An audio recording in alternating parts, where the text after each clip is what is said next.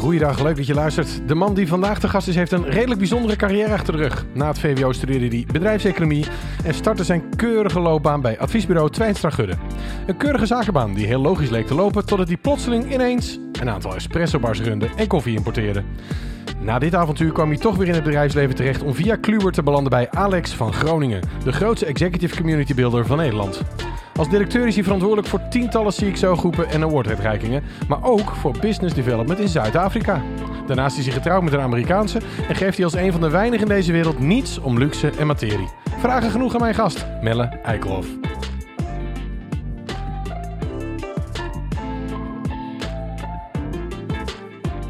Zo, goedemorgen Melle. Goedemorgen, wat een mooie introductie, Arvid. Ja, ik denk ik moet je een beetje een introotje geven, toch? Doe je goed. altijd live hier. Leuk dat je er bent. Dankjewel. Gezellig, fijn. Op deze prachtige, nou niet helemaal zonnige dag, maar wel bijna, in het eh, pittoreske Drachten. Hey, vertel eens even, waar ben jij eh, opgegroeid? Hoe, was jouw, eh, hoe ziet jouw leven eruit als kind? Als kind, nou, ik ben mijn leven gestart in Amsterdam. Ja? ehm, in Amsterdam-Zuid aan de Marathonweg. Maar al vrij snel ben ik met mijn moeder en mijn zus verhuisd naar Naarden, Ja? Aan de rand eh, van het Gooi. En daar heb ik ook mijn eh, jeugd eh, doorgebracht. Want jouw vader was toen uit beeld. Die, nou niet uit beeld, maar mijn ouders zijn wel uit elkaar gegaan Ja. rond die tijd. En ehm, mijn vader bleef in Amsterdam wonen en ik ging met moeder en zus naar Naarden toe. Dus dat is een beetje ook de setting waarin je je het meeste herinnert van je jeugd, die setting. Ja, het is die setting die mijn jeugd heeft bepaald. Het spelen in naar de vesting. ehm, Dat is een beetje het gooi, toch? Dat is zeker het gooi. Ja, ik ben eh, een Amsterdamse kakker. Ja. Heb ook eh, keurig netjes op het Museum gezeten. ja? En eh, En werkte jouw moeder dan heel hard voor jullie? Of, of hoe, hoe zag dat eruit? Was die dan wel thuis? ja, mijn moeder heeft altijd heel hard gewerkt. Ehm, naast het feit dat mijn vader ons altijd heeft gesupport... ehm, heeft ze altijd van alles gedaan om ervoor te zorgen dat het huishouden bleef draaien. Ehm, iemand die zichzelf ook is blijven ontwikkelen. Ehm, van het schoonmaken van huizen in het gooi tot uiteindelijk het runnen van haar eigen pedicurepraktijk. Na een lange studie eh, ook nog eh, dierenartsassistent geweest. Dus iemand die eh, veel kan en Knap, ja. hard gewerkt heeft. Dus dat ja. is ook jouw voorbeeld een beetje. Ja, ik denk het wel. Ik denk inderdaad dat ehm, het arbeidsethos of de manier waarop mijn moeder in het leven staat... ehm, van invloed is geweest op, op hoe ik werk en, en denk. Ja. Aanpakken, ehm, voor, voor de boel zorgen, ehm, ja, veel dingen aanpakken. En, en hoe was jij als jongetje? Was jij een, een, eh, sportief, eh, outgoing kind? Of was je wat, wat rustiger en wat bedeesder? Hoe, hoe, hoe was jij? Nou, een beetje er middenin. Ik was een jongen die eh, heel erg hield van tekenen. Ehm, ik zat letterlijk uren, zo niet dagen, op mijn zolderkamertje te tekenen. Dat vond ik verschrikkelijk leuk om te doen. Als ik daarop terugdenk, dan, dan geloof ik ook dat ik daar echt mijn, eh, mijn fantasie in, eh, in kwijt kon. En dan striptekening of hui, wat, wat maakte je dan? Nee, dat was eigenlijk... Ik probeerde heel realistisch te tekenen. Ja? Eh, maar dan wel met, met fantasierijke afbeeldingen daarin. Vaak ook eh, ehm, nou ja, ge- geïnspireerd op films die ik had gezien. En we hebben het echt over een jongetje van 7 tot een jaar of 13, 14 dat ik dat, dat, ik dat graag deed. Maar dan weet je er wel steeds beter in als je al die tijd zoveel hebt getekend. Nou ja, ik denk ehm, dat ik toen de tijd best eh, aardig heb eh, leren tekenen. Mijn vader, eh, overigens ook een zeer talentvol tekenaar, vond ik en vind ik nog steeds. Maar wat, deed hij voor werk? Schoolmeester, Schoolmeester, oké. ja. Die heeft, Op een basisschool. Ja, die heeft 40 jaar voor de klas gestaan in Amsterdam-Oost. Eh, aan de J.P. Koen school, in de J.P. Koen school. En is eigenlijk het prototype van ehm, de ouderwetse schoolmeester. Iemand die op het moment dat hij een drukke tram inloopt... door alleen maar zijn ogen te gebruiken... een hele groep tieners stil kan krijgen. Maar ook iemand die... Een fijne man, die moeten we meer hebben. Ja, ja. maar ook iemand die, ehm, denk ik, heel erg goed is met, eh, met kinderen, als ik het zo mag zeggen. Hè? Dus Ja. die goede gesprekken kan voeren. En op wie van de twee lijk jij het meest? Nou, uiteindelijk lijkt ik het meest op mijn vader als het gaat om uiterlijk, eh, stemgebruik, ehm, sense of humor. Ja?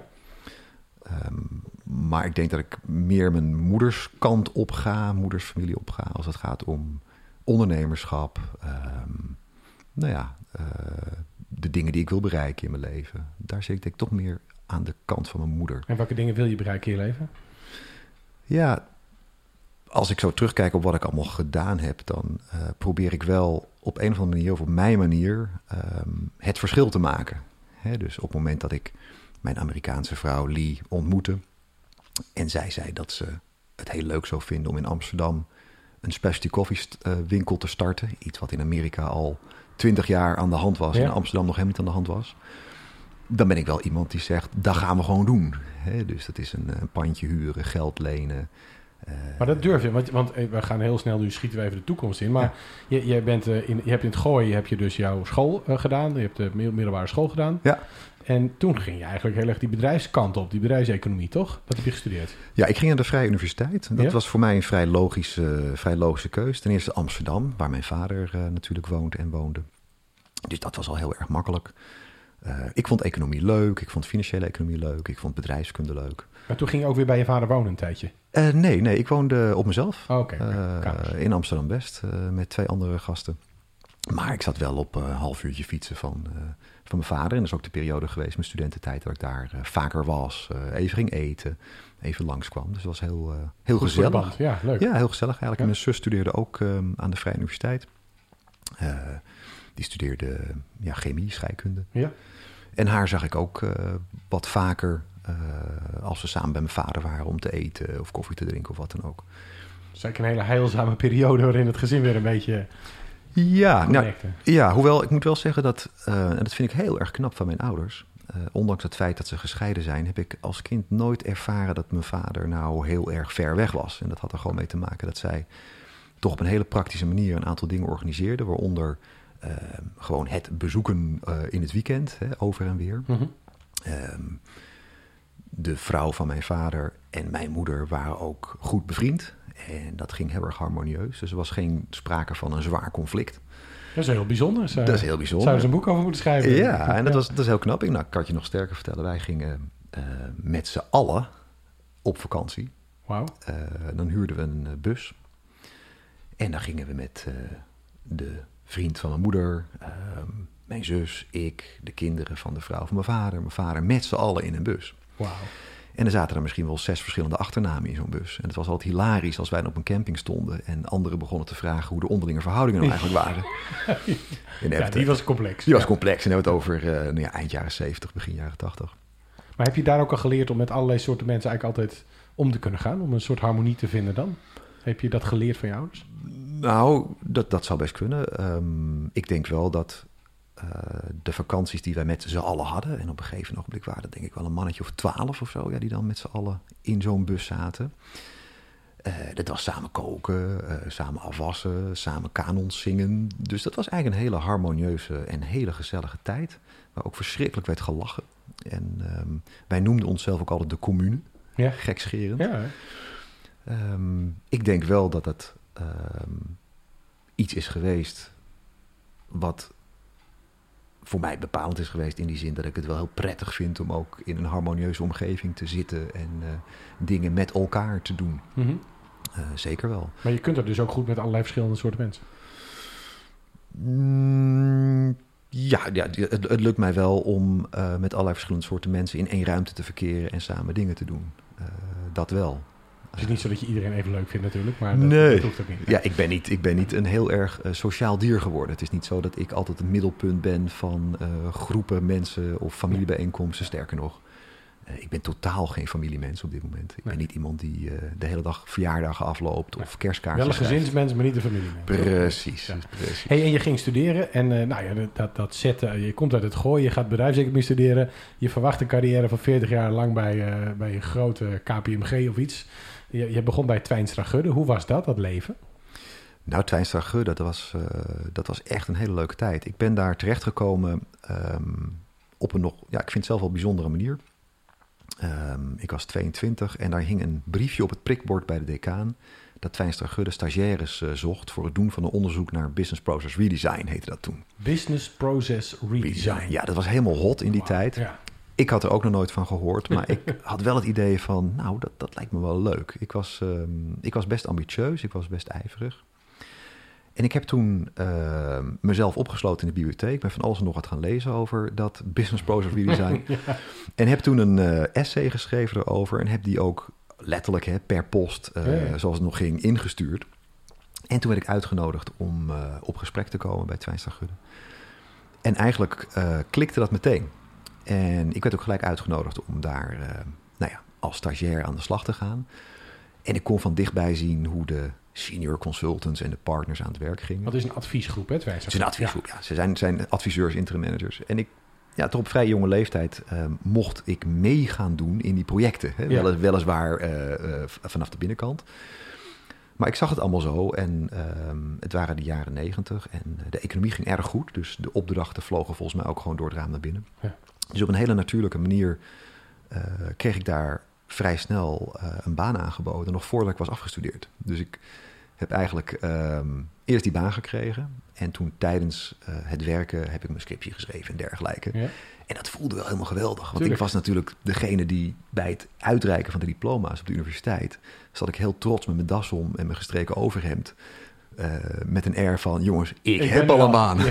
ja, heerlijk, ja. dus dat was heel leuk. En ik moet ook zeggen dat um, die organisatie daar op een fantastische manier jonge mensen probeerde uh, te begeleiden en iets bij te brengen. En dat, dat waren opleidingsprogramma's uh, waar heel veel tijd en aandacht in zat, waar ook hele senioren en in mijn ogen hele knappe consultants een bijdrage aan, uh, aan leverden. Veel van wat daar gezegd is en veel van de dingen die ik toen geleerd heb, begin ik eigenlijk nu pas toe te passen en, en, te zien van hé, hey, oh ja, zo werkt dat dus. Ja? Nou, bijvoorbeeld je kunt met um, een expert in veranderkunde als 23-jarige in een zaaltje gaan zitten en een goed gesprek hebben over veranderkunde. Mm -hmm. Alleen laten we wel wezen, je bent nog amper volwassen. Hè? Dus, dus hoe, hoe, kan je wat je daar leert nou eigenlijk projecteren op wat je doet? Ja. Laat staan dat je ervaringen kan gebruiken om die te vergelijken met wat zo iemand jou vertelt. Maar toch deden ze dat. Hè? Ze deden het op een goede manier, modelmatig, in casussen. Dus ze legden je wel uit waar je op moest letten. Nog zonder dat je dat natuurlijk um, vanuit je eigen ervaring kon toetsen. Mm -hmm. En ik merk eigenlijk nu, en ik ben nu 48, um, dat de zaken waar ik tegenaan loop soms keurig netjes in die modellen vallen. Dus de zaken waar je uit tegenaan op in het eigen bedrijf waar je nu directeur van bent. Ja, hè, ja. dus gewoon de, nou ja, de, de dagelijkse situatie of situaties die uitdagend zijn. Denk je, goh, als ik er nu over nadenk, maar gaat het dan ook, ben je dan nu ook nog bezig met business process uh, redesign? nee, nou niet zo actief. Ik zou het misschien wat meer moeten doen. Dat is trouwens een hele, hele goede vraag van je. Want het zou interessant zijn om eens naar mijn eigen bedrijf te kijken... door de ogen van die 23-jarige die toen alle modelletjes kende... en alle regeltjes kende om een efficiënt proces in te richten. Dus nee, heel, heel erg uh, expliciet ben ik daar niet mee bezig. Um, ik let er denk ik wel op, uh, zoals elke manager of directeur dat uh, zou doen... Um, maar het is interessant. Ik zou misschien eens die lessen die ik toen uh, op PowerPoint sheets zette, ook nog, ja. zelf wow. moeten gaan toepassen. Over ouderwets gesproken. Hey, en, en je zat daar en, en je werd daar heel goed begeleid. Er zaten senioren mensen. Voelde je, uh, was het een warm bad waar je in kwam? Dat, want dat was natuurlijk ook een beetje een patse wereldje. Mooie, mooie auto's, mooie pakken. Nee, dat. nee, dat viel erg mee. Ja? Het, is um, het, het Amersfoort, hè, zitten okay. zij. uh, ja, het is... Nee, het was niet heel erg patserig. Um, het was eerder zacht en creatief. Oh, um, ja, ja. En het was zeker een warm bad, want um, de unit waar ik uh, voor werkte, daar zaten gewoon ongelooflijk leuke mensen. En sterker nog, we hebben binnenkort weer een reunie van diezelfde groep. Um, nee, ik heb daar verschrikkelijk gelachen. Ik heb daar heel erg veel geleerd. En uh, ik had het voor geen goud willen missen. Tegelijkertijd um, kwam er wel een punt waarop ik het gevoel kreeg dat datgene waar ik mee bezig was, namelijk het uitbrengen van advies in allerlei ja. vorm aan groepen mensen die 20, 30 jaar ouder waren dan ik, eigenlijk een beetje gek was. Ja, waarom eigenlijk? Omdat ik vind dat je, en dat kan ik alleen achteraf zeggen, uh, gewoon te jong, te onervaren bent om op die manier uh, iemand van advies te dienen. Dus te rationeel dan?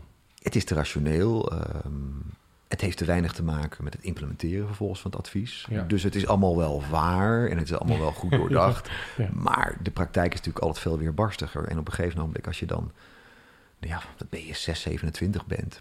en je staat een presentatie te houden voor een raad van bestuur van een uh, grote zorgverzekeraar... waarin je eigenlijk termen gebruikt en, en zaken suggereert en aanwijst... die je daadwerkelijk zelf nog nooit hebt meegemaakt... Ja dat voelde wel een beetje gek. En daarom kwam voor mij ook het moment om te gaan ondernemen in, in de koffiebusiness waar je aan. Maar toen was je dus al, je was je vrouw al tegengekomen. Ja, Waar, hoe, hoe is dat gegaan? Want die komt uit Amerika. Die kwam Ja. was niet in Amersfoort voorbij fietsen zomaar. Nee, nee, dat klopt. Nou, het- om te beginnen had ik echt iets met Amerika. Ik, ehm, Sinds wanneer al? Als kind al? Met die films? ja, nou dan moeten we echt even terugspoelen. Mijn, eh, mijn moeder is geboren op Dominicaanse Republiek. Oké. En zij was de dochter ehm, van een uiterst eh, ondernemende man. Ja. Ehm, Jouw opa? Mijn opa, die ik overigens nog nooit heb ontmoet. Want Nee. hij zat op Dominicaanse Republiek en later in Miami. En hij is erg succesvol geworden in de cacao-plantages. Aha. Koffie, cacao, Ja. hm, interessant. Ehm, die is op heel jonge leeftijd is hij daar naartoe gegaan met, eh, met de Hollandse handelsmaatschappij. Is daar blijven zitten en heeft volgens de overlevering en volgens de foto's daar een behoorlijk imperium opgebouwd. Mhm. Ehm, en wij noemden hem Opa Amerika. En voor mij was Opa Amerika, ik zat daar op de Keverdijk, klein huisje eh, met een moeder Ja. en een zusje. En Opa Amerika was voor mij een, ja, bijna een, een, een, een legende. Ja, en af en toe kregen we een kaartje Klinkt voor mij als een legende. Ja. Ja. en af en toe kregen we een kaartje of, of iets. En ehm, de verhalen waren, en ook de foto's, daar zag je hem op een groot wit paard zitten... met allemaal bedienden eromheen en een tropenhelm op. Wauw. En dat was Captain Opa Amerika. ja. ja. en ik had altijd het idee, hè, ook al was het natuurlijk Zuid-Amerika, van... ja, ik zou daar wel eens een keer naartoe willen. En toen ik studeerde, toen kreeg ik eh, de mogelijkheid... ook weer vreselijke mazzel overigens. Ik kreeg de mogelijkheid om in Amerika te gaan studeren. Aan Notre Dame University. En daarvoor had ik al eens een keertje een studiereis georganiseerd naar Boston. Dat is ook een heel verhaal. Maar dat was eigenlijk de tweede keer dat ik naar Amerika ging, toen daar ging studeren. Toen ben ik een aantal maanden geweest. En ik werd toen echt verliefd op de spirit en op de cultuur en op de mensen en op die positiviteit en die drive. Want waar, staat, waar zit die Notre Dame? Eh, dat zit in eh, Indiana, eh, South, ja. South Bend, Ja. Indiana. En ik was heel erg geraakt door het denken van de Amerikanen. Als ik dat vergeleek met, eh, nou ja goed, hè, de, de, de, de Nederlandse eh mentaliteit. Calvinistische. Ja. Ja, het, het kleine. Het, het, en ik denk dat ik dat heb meegenomen in mijn hoofd. En dat ik daarom ook Amerikanen, in dit geval Amerikaanse, Ja. heel erg aantrekkelijk vond. Maar wat is dat het Amerika wat eh, Steinbeck beschreef, zeg maar?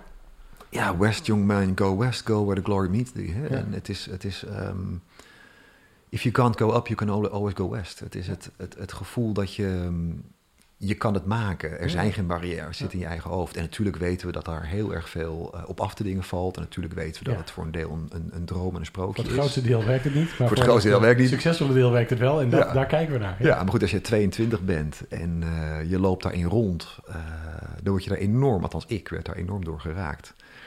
En dat zou best bijgedragen kunnen hebben aan het feit dat toen ik mijn vrouw ontmoette in bar-restaurant Ovidius, waar ik eh, Ja. achter de bar stond. Oh ja, je werkt er natuurlijk ook, ja. Ik werkte daar ook. En eh, waar zij toevallig ook was, omdat ze was uitgenodigd om daar het Specialty Coffee Program op te zetten. Want Ah. zij kwam van Starbucks vandaan.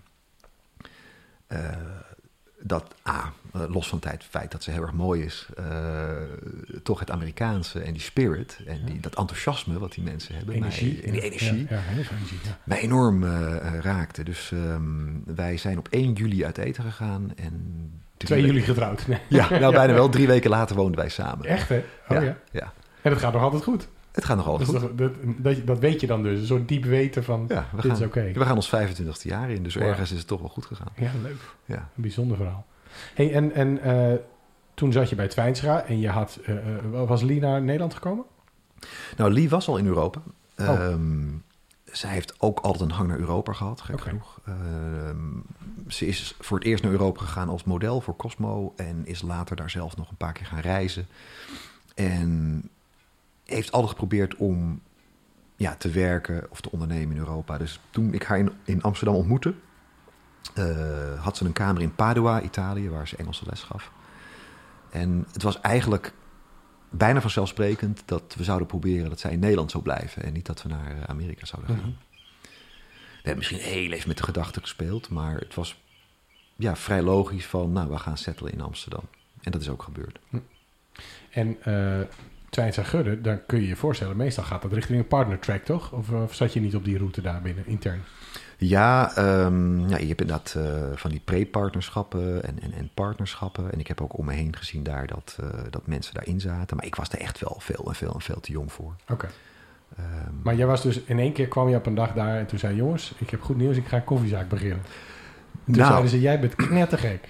Nou, het, het, was eigenlijk veel leuker, want uh, de betrokkenheid van de collega's en ook van die hele organisatie was best wel groot. Um, toen ik überhaupt startte met het, met het eerste koffiezaakje. En toen bleef ik ook gewoon werken bij, bij Twijnstra. Want waar ben je begonnen met uh, in Amsterdam? Amsterdam ook? Ja, in Hoe Amsterdam. heette jullie zaak? Uh, de Coffee Connection heette De dat. Coffee Connection, ja. En dat was gewoon een klein, uh, klein winkeltje waar we veel te hard in werkten en, en hele leuke, mooie producten serveerden. Het werd ook echt een heel erg groot succes, want nog nooit had iemand meegemaakt dat je om half zeven s ochtends een to-go cup koffie kon meenemen naar het station. Terwijl er heel veel mensen daar liepen. Hè. Dat was echt, echt Ja, de begintijden van die specialty koffie die je nu overal Er ziet. zat geen Starbucks in Amsterdam. Nee. Nee, nee, die zat er helemaal niet. Um, maar goed, Twijnstra Gudde die vond dat alleen maar heel erg leuk. En het is nog, sterker nog, op een gegeven ogenblik toen uh, had ik behoefte om die zaak wat uit te breiden. en Een extra verdieping uh, erop te zetten. Letterlijk. Ja. En toen zei Twijnstra tegen mij, nou weet je wat, neem jij maar een half jaar vrij, betaald verlof.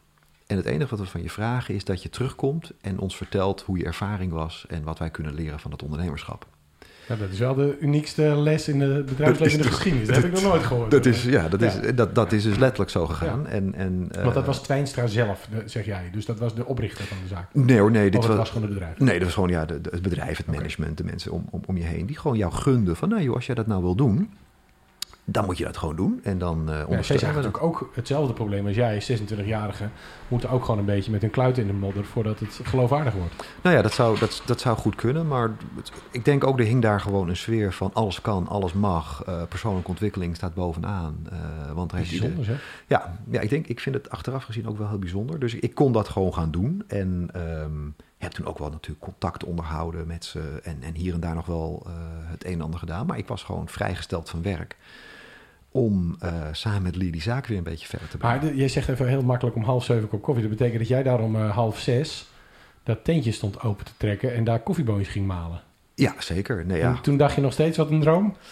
Ja, nou, ik heb daar nooit moeite mee gehad. Ik, ehm, eh, toen ik 15 was, ging ik bijvoorbeeld ehm, werken bij de McDonald's Ja. in Bussum. Ja. En toen opende ik ook om tien voor half zes de zaak. Ja. En ehm, ik heb daar nooit heel veel moeite mee gehad. En dat is natuurlijk zo als je op een gegeven ogenblik eh, een horecazaak hebt of meerdere horecazaken hebt. Ja jongens, het is gewoon eh, aanpoten. Mhm. En je moet niet verwachten dat je tot tien uur in nest kan blijven liggen. Dus inderdaad, je moet En, en dat ging tussen jullie ook goed gewoon samenwerken daar. Dat was meteen leuk.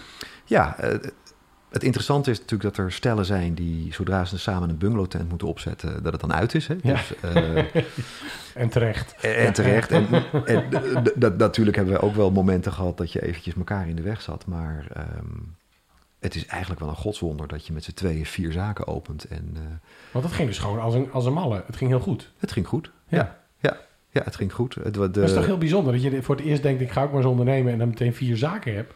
ja, nou, Je dat- zegt dat heel bedeesd, maar dat is wel bijzonder. ja nee, je- moet gewoon beginnen en dan eh, Ja, ja stapje voor stapje. Hè? Ja, oké. Maar had je toen al iets aan al die modellen die je had geleerd? Of was je toen heel erg op je gevoel aan het gaan? Mm, nou, het was een beetje. eh, we noemden dat de balls en de brains. Dus eh, Lee wa- was de balls en ik was de brains. ja. Ehm, dus ik was wel in staat om echt op een cent nauwkeurig mijn cashflow eh, te voorspellen. Eh, ik deed al vrij uitgebreide analyses op wanneer moet je gaan schoonmaken en wanneer niet. hè. Eh, we hadden een, ehm, een kassasysteem wat behoorlijk goed was geautomatiseerd, waar veel data ook uitkwam. En dat zat ik dan keurig netjes in spreadsheets te kloppen. Om te kijken eh, wat we met de marges moesten doen, wat de gemiddelde eh, besteding per klant was. En of het zin had om een extra stoel bij een tafel te zetten Toen of was je niet. dus wel je proces aan het redesignen continu. Ja, Ja, ja. dus dat, dat vond ik wel, ehm, wel leuk om te doen. Ehm, was eerlijk gezegd ook wel nodig. Want eh, ja, marges zijn heel dun hè, in de Ja. horeca. Je moet ongelooflijk oppassen. Nou, op koffie eigenlijk best goed trouwens. Op koffie heel erg goed. Ja. 120 shots eh, espresso uit 1 kilo eh, koffie. En wij branden en, en me- melangeerden de koffie zelf. Dus onze kostprijs was eh 3 euro.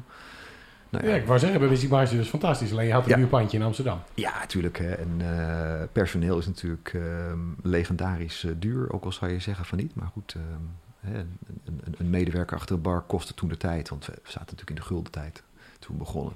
Ook al op 25 gulden. Nou, dan moet je heel wat, muff- heel wat muffins voor verkopen, zou ik maar zeggen. Dus het was, het was wel een enorme les dat je ehm, om overeind te blijven als ondernemer ontzettend scherp moet zijn. En ik heb tot op de dag van vandaag natuurlijk ongelooflijk veel bewondering voor eh, ondernemers. En met name horeca-ondernemers en, en restaurateurs. Die dat heel erg goed doen. Want dit, dit is een combinatie van doorzettingsvermogen en, en Maar business je savviness. kosten letten en, en slim zijn. Ja. En ongelooflijk eh, scherp daarin zijn. En dat is, als ik op terugkijk, toch wel de belangrijkste les voor mij geweest. Dat je, dat je weet dat ondernemen niet vanzelf gaat. Hè? En, eh, Maar in, in die relatie waar jullie dus samen onder, ondernamen, ben jij vooral ook toch weer bezig met processen, met het optimaliseren van. Ja, dat pakte ik erbij. En ik, dat, dat was ook nodig, want ehm, als jij bijvoorbeeld een eh, pandje wilde huren... en in die tijd waren panden in, eh, in Nederland sowieso heel erg schaars. Mhm. Het was ook weer een beetje de hoogconjunctuur. Ja, dan moest je allerlei businessplannen overleggen... voordat jij een huurcontract eh, aangeboden kreeg... en iemand jouw handtekening vertrouwde. moest je van alles en nog wat overleggen. Dus ik had best wel ehm, goed doordachte businessplannen van wat wij deden... En bovendien waren we ook wel op zoek naar mensen die ons konden helpen met wat investeren. En, eh, dus ik was toch daar wel mee bezig. Hè, van hoe ziet zo'n zaak er nou uit? Wat zijn nou de drivers? Hoe zitten je kosten in elkaar? Hoe zou je nog kunnen groeien? Maar goed, ik was ook gewoon eh, broodjes aan het smeren. Hè, en ik stond ook gewoon schouder aan schouder met Lee eh, en natuurlijk met alle andere medewerkers. Achter het espressoapparaat. En het was ook gewoon simpel, handen uit de mouwen, terras Ja. buiten zetten. En dat Gewoon lekker bezig. gewoon lekker bezig. En dealen met alle leuke dingen, maar ook alle ellendige dingen. Als inbraken, mensen die ziek worden, eh, overvallen, eh, dingen die in elkaar pleuren. ja. Het is natuurlijk...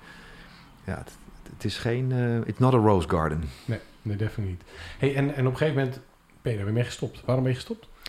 Nou, ten eerste, we kregen kindertjes. Ja. En horeca en kindertjes, dat is echt heel erg heftig om dat met elkaar te combineren. Zeker als je er allebei in zit. Ja. Zeker als je, zeker als je erbij in zit. Ja. Eh, ten tweede eh, hadden we ook wel een beetje genoeg van. Er waren eh, twee zaken die het heel goed deden. Twee andere deden het gewoon wat minder. Dus het Ehm, hief elkaar wat op. het hief elkaar wat op. Nou, we zaten wel in de plus, maar het, ja, Lee die vond ook eigenlijk het, de hele kant van blends maken, inkopen, melangeren, branden eh, steeds leuker worden. En ook, ook als je over nadenkt, hè, je kan beter kilo's gebrande koffie verkopen dan dat je horeca. Ja. Dus even aan welke kant van de waardeketen wil je zitten? Er kwam ook een goed bod op de Amsterdamse zaak, de eerste zaak die we hadden geopend. En het alles bij elkaar opgeteld leidde er eigenlijk toe dat we zijn gaan, eh, zijn gaan afbouwen. Ik was eerlijk gezegd ook echt wel toe eh, na een aantal jaar om weer iets te doen waar ik een ander deel van mijn hersenen moest gaan gebruiken. Maar wanneer was je, want je was tussendoor dus wel helemaal gestopt bij Twijnstra. Ja. Want je mocht eerst dat half jaar doen. Ja. Toen hadden zij gehoopt dat je terugkwam. Ja. Maar dat is niet geworden. Nee, ik heb toen nog een tijdje bij Twijnstra gewerkt. En toen heb ik gewoon eh, eh, helemaal eh, ontslag genomen. En toen heb ik een leuk afscheidsfeestje gehad.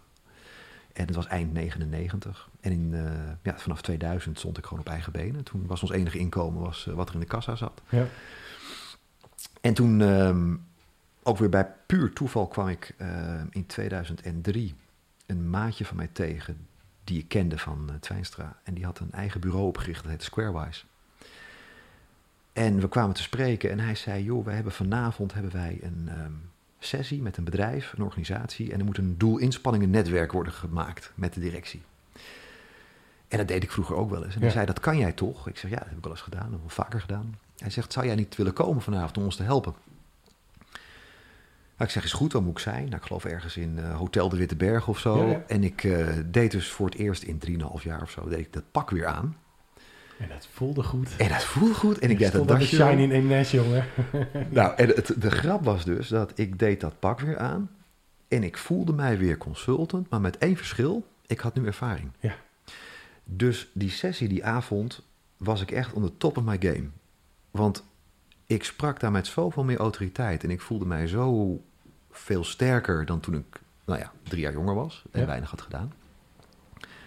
Dat het ook meteen een succes werd. En toen vroeg die directie, kan die meneer niet bij ons een paar maanden komen om dit en dit en dit te doen? Ja.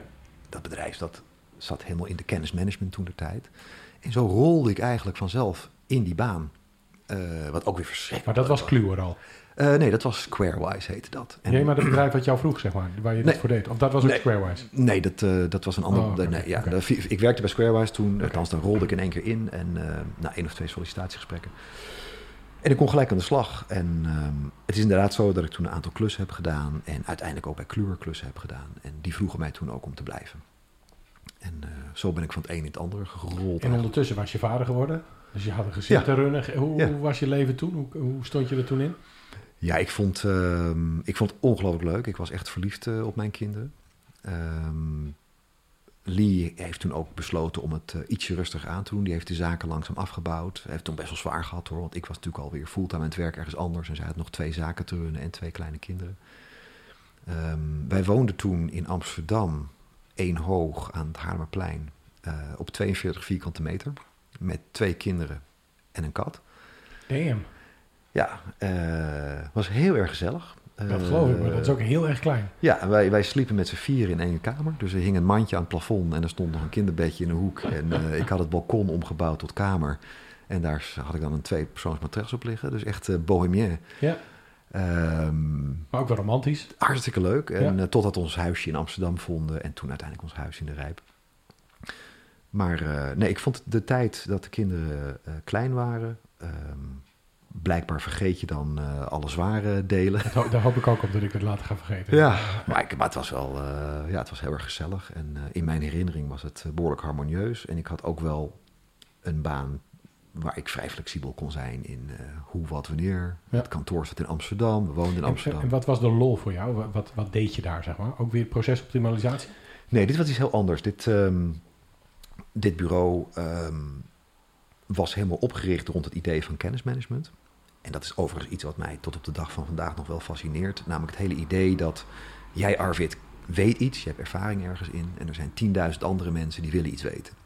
En hoe zorg je nou dat hetgene wat in jouw hoofd zit, op een bepaalde manier bij die 10.000 andere mensen terechtkomt, waardoor zij diezelfde kennis ook kunnen gaan toepassen. Ja. En uitgevers doen dat natuurlijk al heel lang in, in boekvorm of in tijdschriftvorm of in de vorm van een opleiding of in de vorm van een presentatie. Maar binnen organisaties is dat eigenlijk doorgaans niet heel goed geregeld. Dus stel je hebt een organisatie van 200 mensen. En je gaat je afvragen, waar zit hier nou eigenlijk de ervaringskennis? Of op welke manier is hier de know-how vastgelegd? Of op welke manier uh, wordt die eigenlijk kennis gedeeld? En de grap is dat als je daar enigszins actief uh, mee bezig gaat, en dat kunnen hele simpele interventies zijn, die kennis opeens gaat stromen en zich gaat verdubbelen of gaat vermeervoudigen. En daarmee de slagkracht van zo'n bedrijf en daarmee ook uh, het competitief vermogen in één keer groter wordt. En dat was eigenlijk diezelfde kennis die jij had opgedaan door zelf te gaan ondernemen. Dat, juist dat soort specifieke. Want ik bedoel, iedereen heeft dezelfde opleiding gedaan als je in een uh, advocatenkantoor zit. Maar het feit dat jij als ondernemer een pand had gehuurd, een inbraak had gehad, personeel had gehad. Dat soort specifieke, echt authentieke kennis. Dus geen tweedehands kennis, maar echt authentieke kennis. Dat was wat je leerde verdelen onder de mensen. Ja, ja in, in de eerste plaats leer je gewoon om met tools of met uh, managementstructuren of met managementstijlen of met manieren van samenwerken hè, ervoor te zorgen dat er überhaupt een cultuur gaat ontstaan van kennisdelen. En het type kennis wat je dan deelt uh, kan inderdaad die ervaringskennis zijn, maar het kan ook hele harde kennis zijn. Hè? Uh, tacit knowledge of... Uh, wat voor ding, sorry? tastbare ook kennis kan het ook zijn. Ja, hè? Ja, van, ja, god, we hebben ooit eens een keer een, een, manual geschreven over hoe je hier de telefoon moet opnemen. Ik, ik noem maar iets heel erg simpels. Alleen, ja, niemand doet het op die manier. Ja, nee. hoe kan dat nou? Nou ja, dat kennismanagement is op, op meerdere manieren erg interessant. ook omdat het geen zin heeft om daarover te gaan presenteren of slimme rapporten over te schrijven. Het is nou typisch iets, iets wat je meer als interim manager moet gaan doen. je moet mensen erop gaan wijzen, je moet rond gaan lopen. Op strategisch niveau moet je dit gaan adresseren? Nou, of eigenlijk heel operationeel. Want, Juist operationeel. Ja, dus bijvoorbeeld uh, een hele leuke vraag die je kan stellen als je hier iets mee wil, is gewoon de vraag: uh, waar is iedereen mee bezig naast zijn routinetaken?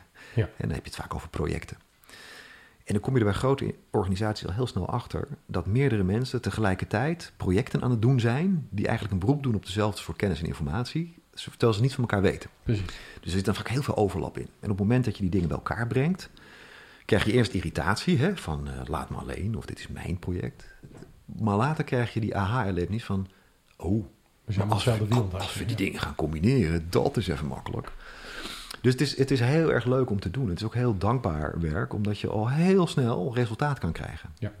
Ga maar eens in een sales team zitten en ga eens kijken hoeveel verborgen kennis daar in de binnenzakken van die accountmanagers zit.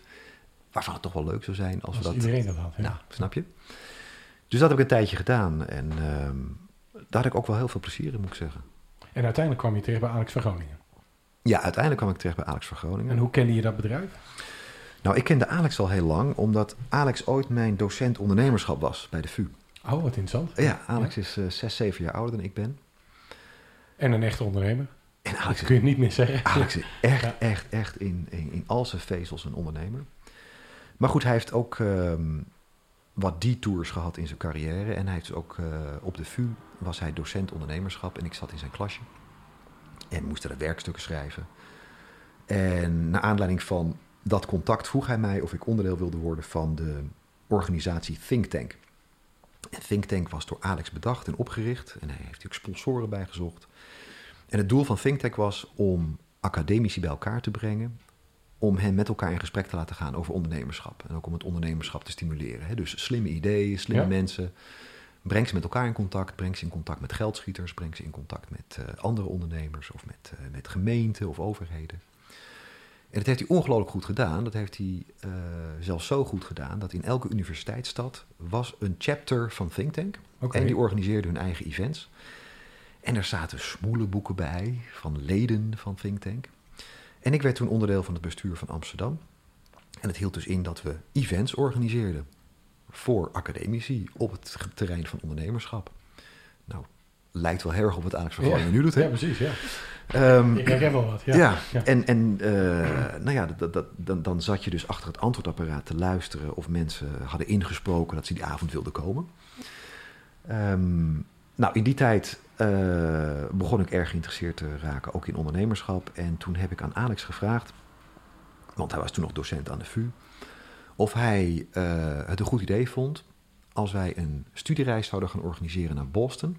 Um, omdat ik het idee had dat rondom MIT en Harvard een optimale mix bestond van investeerders, overheden, academici, overheidsinstellingen die samenwerkten om uh, bedrijven te starten. En dat alles in jouw geliefde Amerika? En dat alles in mijn geliefde Amerika. En um, dat is toen gelukt. Dus toen hebben we een clubje VU-studenten en UvA-studenten met elkaar ge geharkt. We zijn geld gaan ophalen en toen zijn we daar naartoe gevlogen. En hebben daar een aantal weken een hele studiereis uh, gemaakt langs allerlei start-ups en scale-ups en geldschieters en private equity bedrijven. En studenten gingen in koppeltjes gingen ze, uh, hoofdstukken op het rapport uh, schrijven over wat moeten we in Nederland met ondernemerschap. En dat was een ontzettend leuke tijd, vreselijk gelachen ook weer, hoop gedaan. Um, en daar kende ik Alex dus van, want wij, ja, wij zaten samen in een appartement in Boston en liepen allerlei bedrijven af daar. Nou, en uh, nou, fast forwarden naar uh, 2010, december 2010. Kluwer begon um, enorm te herstructureren.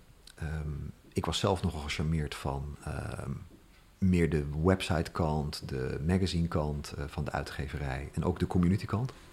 Alles wat nu weer in Alex Groningen terug is gekomen. Precies, ja. Hè? ik riep van ja, we moeten, we moeten professionals bij elkaar gaan brengen. Die moeten samen gaan kennis delen en daar moet het dus in gaan staan. Nou, dat, dat paste niet allemaal bij wat uh, Kluwer toen de tijd uh, aan het doen was. En wat ze trouwens nog steeds heel succesvol doen. Um, ja, en via LinkedIn kwam ik Alex toen weer tegen. En uh, ja, toen was het één kopje koffie. En toen kwam ik weer op het goede moment. En toen mocht ik blijven bij Alex. En, en, en wanneer ben je directeur geworden? vanaf het begin. Vanaf het begin al meteen? 2011. En ja. jullie zijn enorm gegroeid.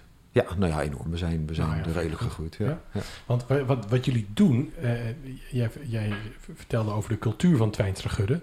Maar jullie zijn eigenlijk nu bezig om, nou ja, ik ken Alex van Groningen van de executive communities. De top van de CEO's, CFO's, die brengen jullie samen, die inspireren jullie, die, die netwerken jullie. Die, jullie schrijven daar, jullie hebben een eigen magazine voor elk van die doelgroepen. Dus eigenlijk al die thema's komen weer bij elkaar. Klopt. Dus in, in retro-perspectief zit ik nu op een hele logische plek. Hè? Ja. Dus ik heb bij een uitgever gewerkt. Nou goed, dat heeft iets te maken met magazines, et cetera. Ehm, ik heb eh, in de horeca gezeten. Dat heeft te maken met hospitality en het ontvangen van mensen. Ik heb bij een kennismanagementorganisatie gezeten. Nou, kennis delen, dat is een heel belangrijk onderdeel van wat wij doen met Square, met, eh, met Alex van Groningen.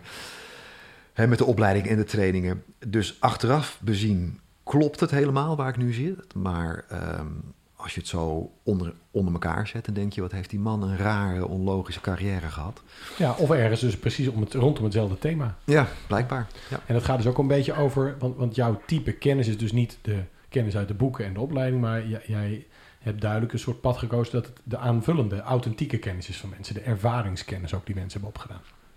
Ja, ik denk dat dat mij het meest fascineert. Ik denk dat het ehm, wat mensen hebben meegemaakt, waar ze over kunnen vertellen, storytelling, dat type van kennis ehm, verspreiden, eh, dat levert het meeste op. Dat- Maar, maar je zit ook in een wereld waar het gaat over uiterlijke schoon, over hiërarchie, over eh, succes, over status. En ik zie jou altijd rondlopen op die evenementen. En dan, dan doe je er eigenlijk gewoon, ja, je gaat met iedereen praten. Maar je doet niet mee aan dat spel of zo. Alsof je daar totaal niet door geraakt wordt. Hoe kan dat? Ja, hoe kan dat? Ehm, Want de meeste mensen die naar zo'n wereld trekken, of die überhaupt naar zo'n evenement gaan, die willen natuurlijk ook wel graag een beetje gezien worden. nou, ik, vind, ik, vind, ik vind het heel erg leuk dat mensen gezien willen worden. Dus waar ik heel veel plezier aan beleef, is als iemand anders staat te shine op een podium. Ehm, en ik hoor liever het applaus in de coulissen. Dus ik, ik hoef Maar wat niet- is dat in jou, dat je, dat, dat je niet zelf op het podium hoeft te staan? Ja, ik, ik, overigens, ik vind het best leuk om op een podium te staan. En ehm, Ja, maar jouw primaire Mensen- rol, ook, ook binnen de organisatie, is een hele bescheiden rol. Je bent niet een eh, dominante Nee. Eh, eh, potentaat, zeg maar. nee, nee, ik denk, ik, ik, ik ben eerder faciliterend en servicegericht. Hè. Ik zal eerder een eh, servetje oprapen als hij op de grond ligt. Dan dat ik mijn junior collega aanstoot en zeg, zou je dit niet eens oprapen? En ik denk dat ik... maar waar heb je dat geleerd? Waar komt dat vandaan? Ja, ik, ik, ik denk, ik ben nooit omringd geweest, ook niet in mijn familie, door mensen die ehm, vanuit de hoogte zouden doen of die ehm, zichzelf positioneren als de grote held. Ehm, dus ik heb die voorbeelden ook niet gehad. Maar ik moet ook zeggen, ik heb geen hekel aan mensen die in een mooi pak zichzelf op een podium hijsen. Ik heb daar alles wel een beetje plezier in. Ik vind het altijd wel mooi als mensen. En wat vind je daar mooi? Ja, er zit, er zit altijd een, ehm, een gedrevenheid achter. Dus- dus iemand die trots is op zichzelf, wat hij bereikt heeft en het ook graag laat zien. Misschien iets te. Ehm, als de bedoeling, als de intentie daarachter goed is en oprecht is, dan vind ik dat mooi. Dan vind ik het mooier hè, dan bescheiden mensen. Ik denk dat ik mezelf, ik denk dat ik me best aan mezelf zou eigen ergeren. Ja. Ehm, ik, ik ben helemaal niet zo dol op bescheiden mensen. Eh, ik vind juist mensen die eh, er een beetje uit willen springen en misschien een grote mond hebben of zichzelf op de schouder kloppen, vind ik altijd hartstikke leuk. En, en jij was met Lee in de verhouding in ondernemerschap de balls en de brains, waarbij jij de brains was. Hoe is dat met jou en Alex? Is Alex dan ook de balls en jij de brains? Of heb je meer balls gekweekt? Ja, ik heb inmiddels iets Ik meer ballen. het nu wel heel plat, Ik, maar... ik heb inmiddels iets meer ballen gekweekt. Ehm, nou, ik denk dat het. Ik, ik denk dat het. ehm, Alex heeft zeker bols. Alex is zeker iemand die op het moment dat hij iets in zijn hoofd heeft en denkt van hé, hey, dat is goed, dat moeten we doen.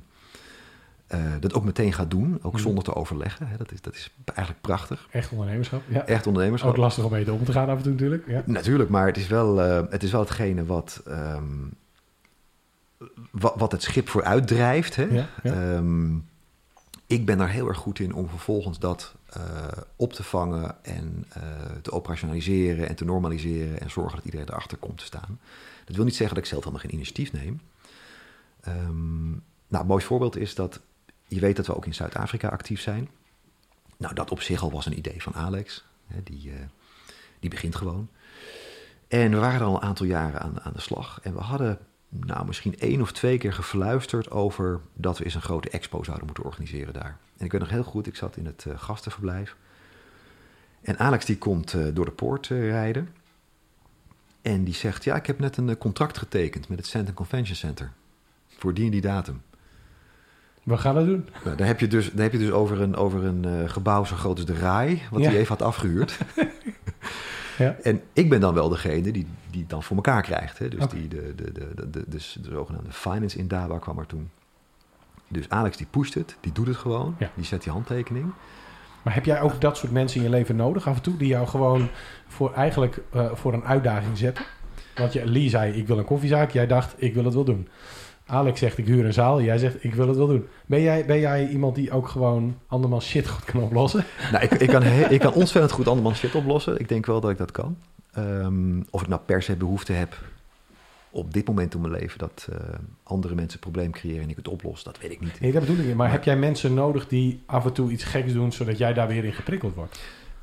Heb ja, je- ik je vind dat, wel leuk, ja. ja ik, vind dat wel, ik vind dat wel leuk. Dus Want je hebt in jouw team ook een paar van dat soort figuren. Ja. dus Ja. op een of andere manier komt dat wel terug, zeg maar. Dat je, Ja.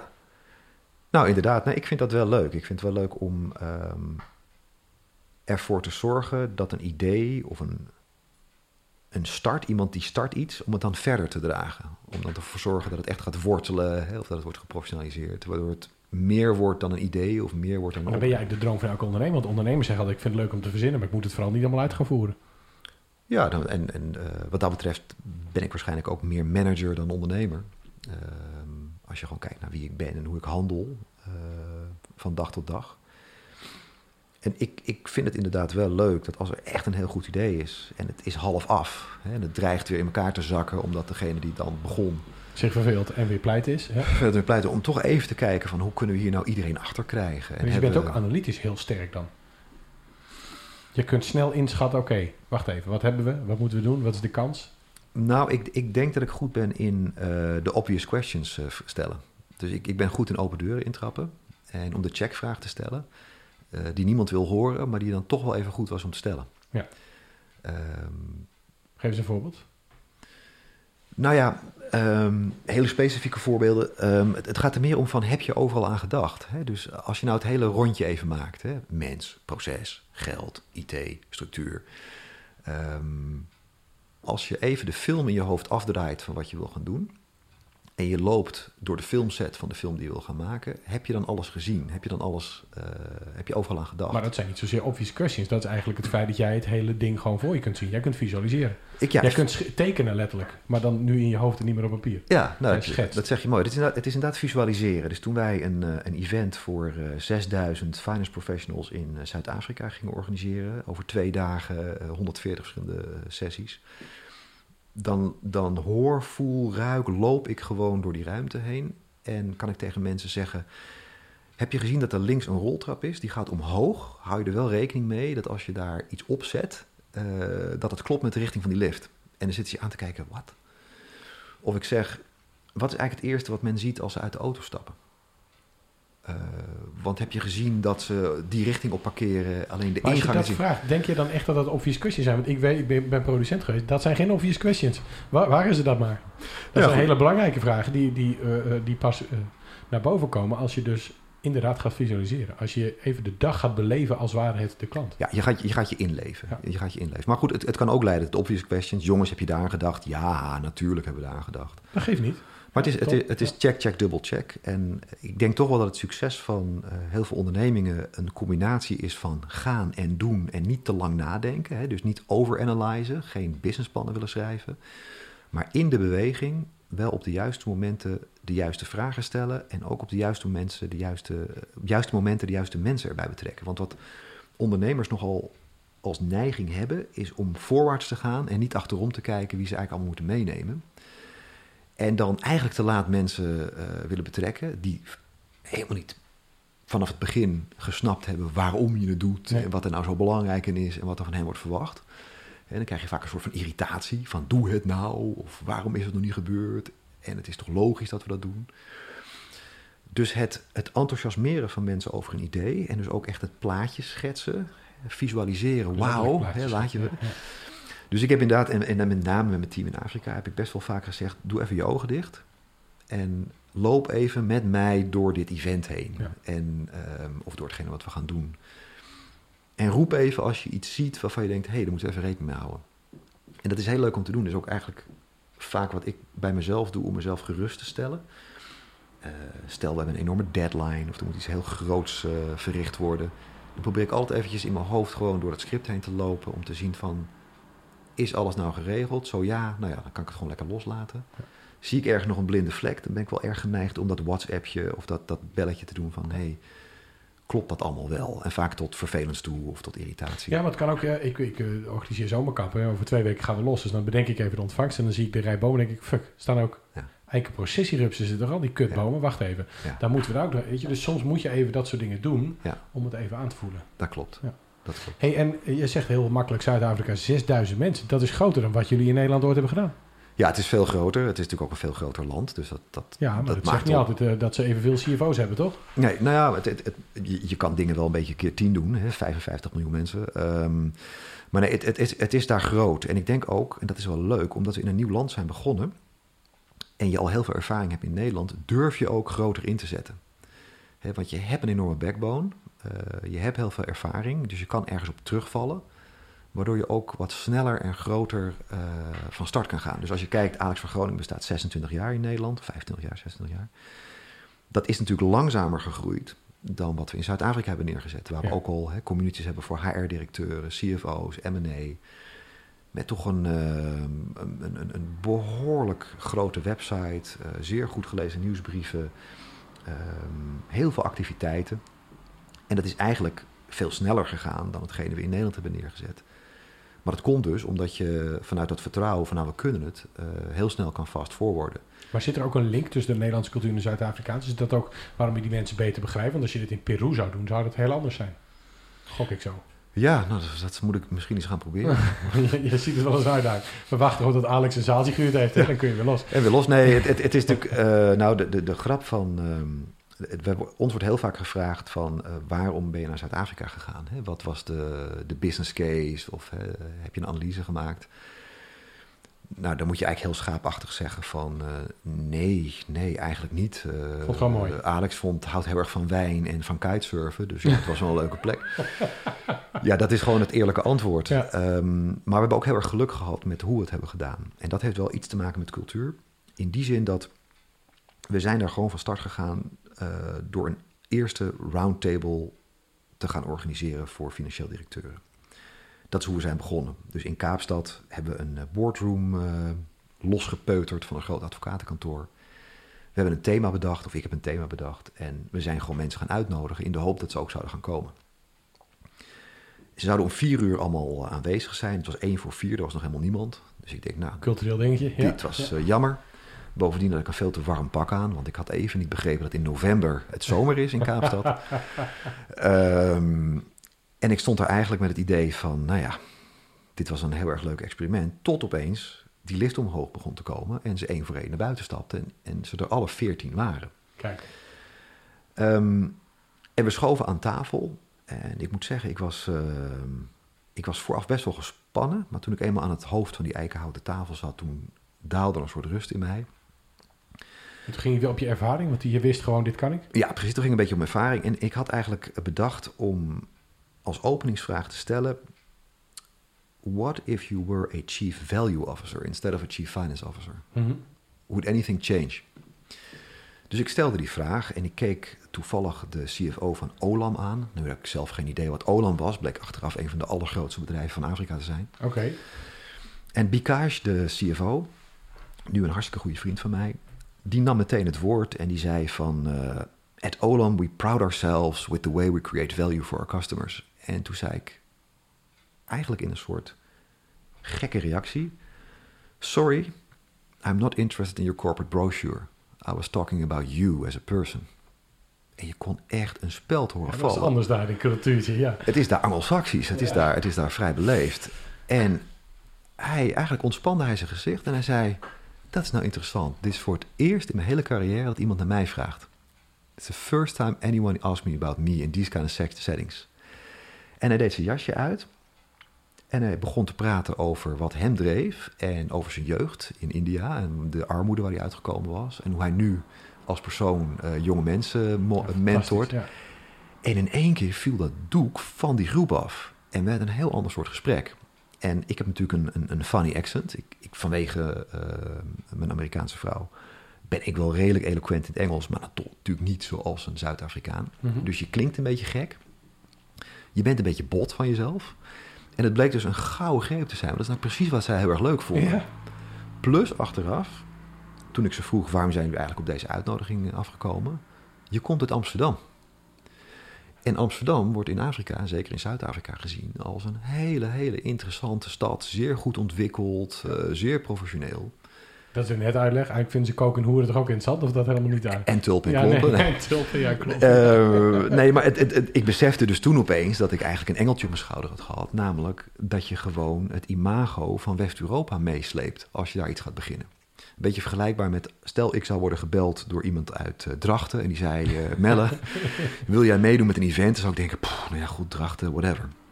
Maar word je gebeld iemand in New York, dan voel je jezelf gelijk een beetje stoer. Ja. Weet je, wauw, iemand uit New York belt mij in New York. Ik Oh. vind wel dat je drachten heel nee, dus zonder Ja, neerzet. dat was bewust. Ja, leuk. Ehm, dat, dat werkt daar dus ook zo. Hè? Ja. Dus, ehm, en toen later ben ik dat een beetje gaan misbruiken door altijd te zeggen van our European networks. Hè? Ja, ja, maar Or, uh, my- geen woord aan geloven. nee, nee, ja, my, my experience uh, with, the, with the Western European CFO's. En doordat we dat hadden, Ehm, en doordat je toch een beetje botter bent en een beetje exotisch bent, ging dat enorm rollen. En waren mensen ook bereid om uh, met je mee te doen, hun handtekening te zetten onder een soort verklaring dat de community was opgericht.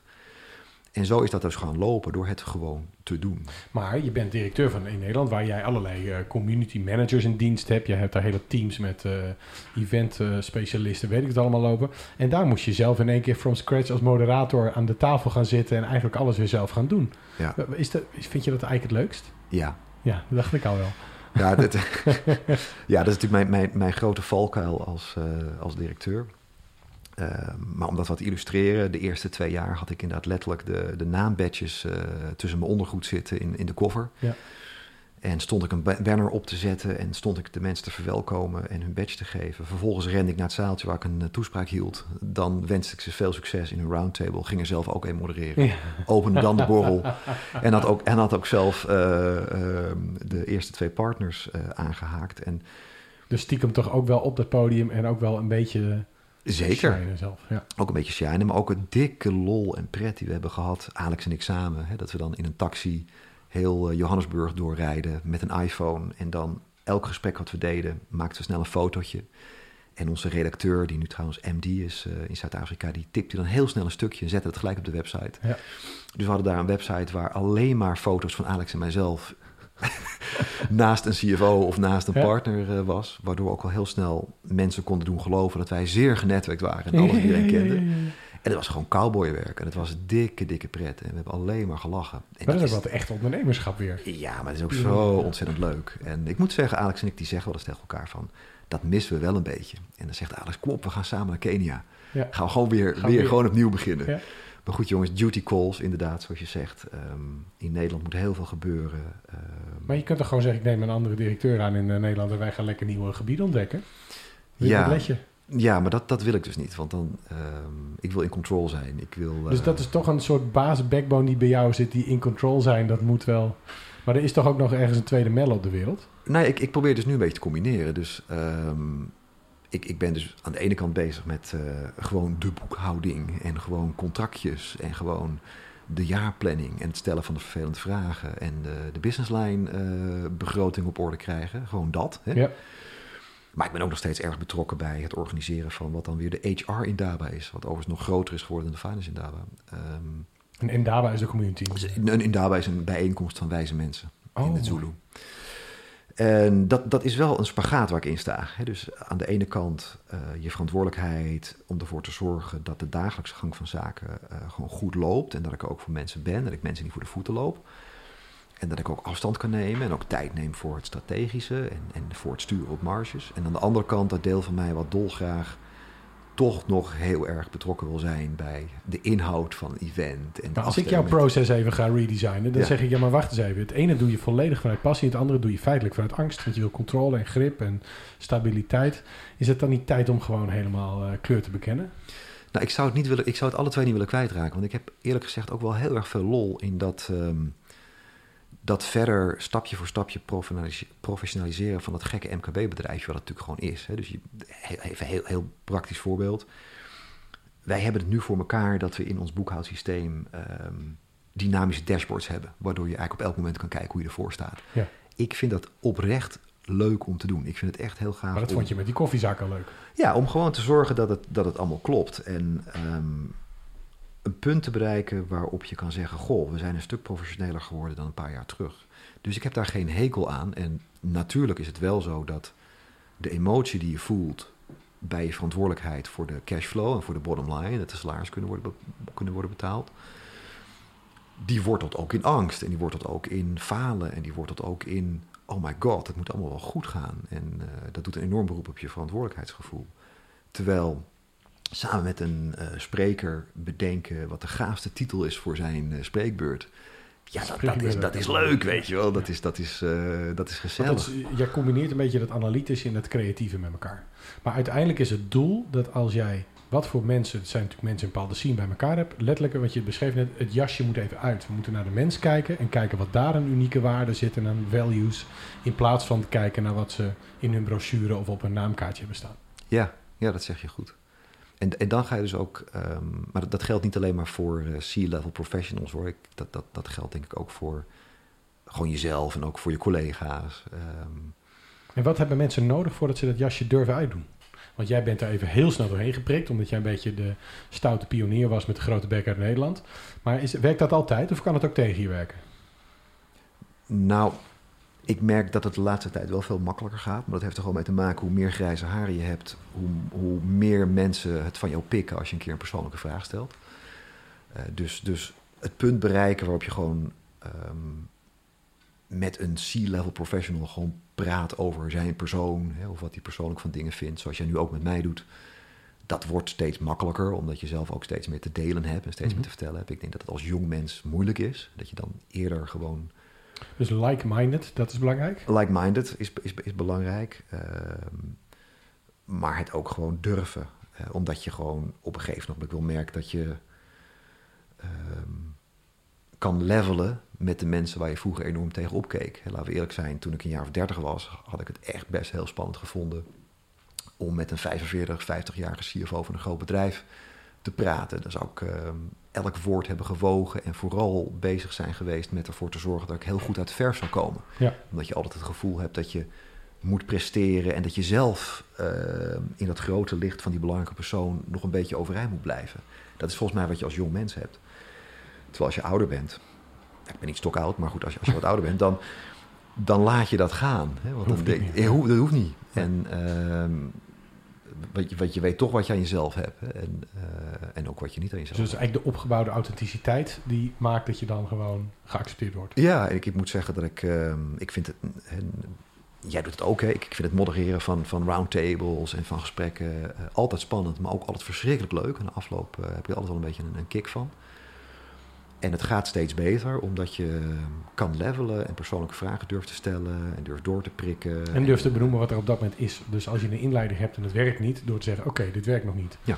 Weet je, je moet, eh, je, je moet aan de kant van, de, van het publiek zitten. Je moet in die, aan hun kant staan, niet tegenover hun willen Ja. zijn. Je moet het niet zeggen omdat je wil prikken, maar omdat je diegene wil helpen. Ja. En Dat, dat voelen ze meteen. Ja, en in dat soort settings is het natuurlijk ook wel makkelijk, want mensen komen daar ook voor. Hè. Ze verwachten dat ook, dus dan kun je die rol Ja, ze, verwachten wel, ze willen daar niet allemaal actief een rol in spelen. Dat Nee, moeten ze eerst even aanvoelen. Dat jasje uit, klopt. wat je heel beeldend zei, dat gebeurt niet altijd. Nee, dat klopt. Dat klopt. Hey, en wat is de belangrijkste les in het bedrijfsleven als het gaat over kennis, om, om, om dit interview mee af te ronden? Wat is jouw eh, number one eh, lesson, zeg maar? Die is echt heel erg eenvoudig. Ehm, als dat het gaat is om vaak goed. Ik vind dat je als manager of als directeur eh, echt een belangrijke taak hebt om ervoor te zorgen dat mensen, collega's met elkaar in gesprek blijven. En dat bedoel ik vrij letterlijk. Dus als jij niet de slijtplek op het tapijt ziet, als je niet mensen op een hurken naast een ander bureau ziet zitten, ehm, als jij merkt dat mensen steeds in dezelfde kliekjes bij elkaar staan, dan heb je echt een probleem. Want wat er dan gaat gebeuren is dat kennis en ervaring niet meer wordt gedeeld of in een te kleine kring wordt gedeeld. Uh, en dan ga je verschrikkelijk veel uh, verliezen. En dat heb ik ook meegemaakt al uh, in de kleine groeispurtjes die ons bedrijf heeft doorgemaakt. Dat er in één keer silo's ontstonden, groepen uh, die nauwelijks met elkaar spraken. Terwijl het verschrikkelijk belangrijk was. Mhm. Mm -hmm. um, en dan denk ik bij mezelf, wat heb ik dan zitten doen? Ja, dan was ik lekker druk met uh, van alles en nog wat, met mijn eigen dingen. Maar daar moet je echt heel erg mee bezig zijn. Ja, ja, dan moet je heel, ik vind echt, dan moet je echt, je moet je heel bewust zijn van de kracht van samenwerking en met name van um, de situatie waar jong en oud allerlei functies met elkaar praten over wat ben je aan het doen en wat kan ik van jou leren, wat heb je vandaag gedaan, wat is er gebeurd omdat je anders enorme kansen mist op um, het combineren van die kennis. Ja, dat, dat kan in hele simpele dingen zitten. Hè. Iemand gaat een interview doen bij een bedrijf, maar dat kan ook net zo goed een partner van je worden. Ja. Kom je wel. Nou, als die mensen niet met elkaar praten, gaat het dus nooit never gebeuren. Nee. Maar als jij een cultuur weet te creëren waarin het normaal is dat je ook tijd neemt voor het oude hoergesprek. En dan heb ik het niet alleen over voetbal en uh, de laatste grappen. Nee, maar het menselijk. Maar het menselijk. Ja. Dat is volgens mij, zeker in kennisintensieve organisaties, heel belangrijk. En met kennisintensief bedoel ik dus ook organisaties als de onze, waar bijvoorbeeld het onderhouden van netwerken nogal belangrijk is. Of het op inhoud uh, events bedenken nogal belangrijk is. En je ziet ook hoe dat persoonsgebonden is. Jullie hebben echt mensen die een netwerk runnen. Dat is gewoon totaal hun DNA zit daarin. Dat, ja, ja, ja, ja, de mensen die bij ons werken vinden dat leuk. Maar dat wil nog niet zeggen dat de mensen altijd uit zichzelf ook het leuk vinden om dingen met anderen te delen. Nee, nee, nee. nee. En, dat, en dat, dat is waar het moeilijk wordt. Dat is waar het moeilijk wordt. En dat is waar je ook, ehm, vind ik dan, moet proberen te interveneren. En moet proberen. Kijk, je kan mensen niet dwingen om met elkaar te praten. Dat is het lastige ervan. Ehm, Maar je kunt ze wel uitnodigen. je kan ze wel uitnodigen om dat te doen. Dus, dat, is eigenlijk wat jij de hele dag doet. Wat ik zou moeten doen. Ja. Hartstikke mooi. Dankjewel dat je hier was vandaag, eh, Melle. Wie meer wil weten, eh, ga eens kijken op Alex van Groningen. Want ze geven allerlei eh, evenementen, opleidingen. Zij schrijven de hele wereld vol met al hun kennis. Dus delen dat heel actief. En nou ja, ga het eens een keer uitzoeken. Dankjewel voor het luisteren en graag tot de volgende.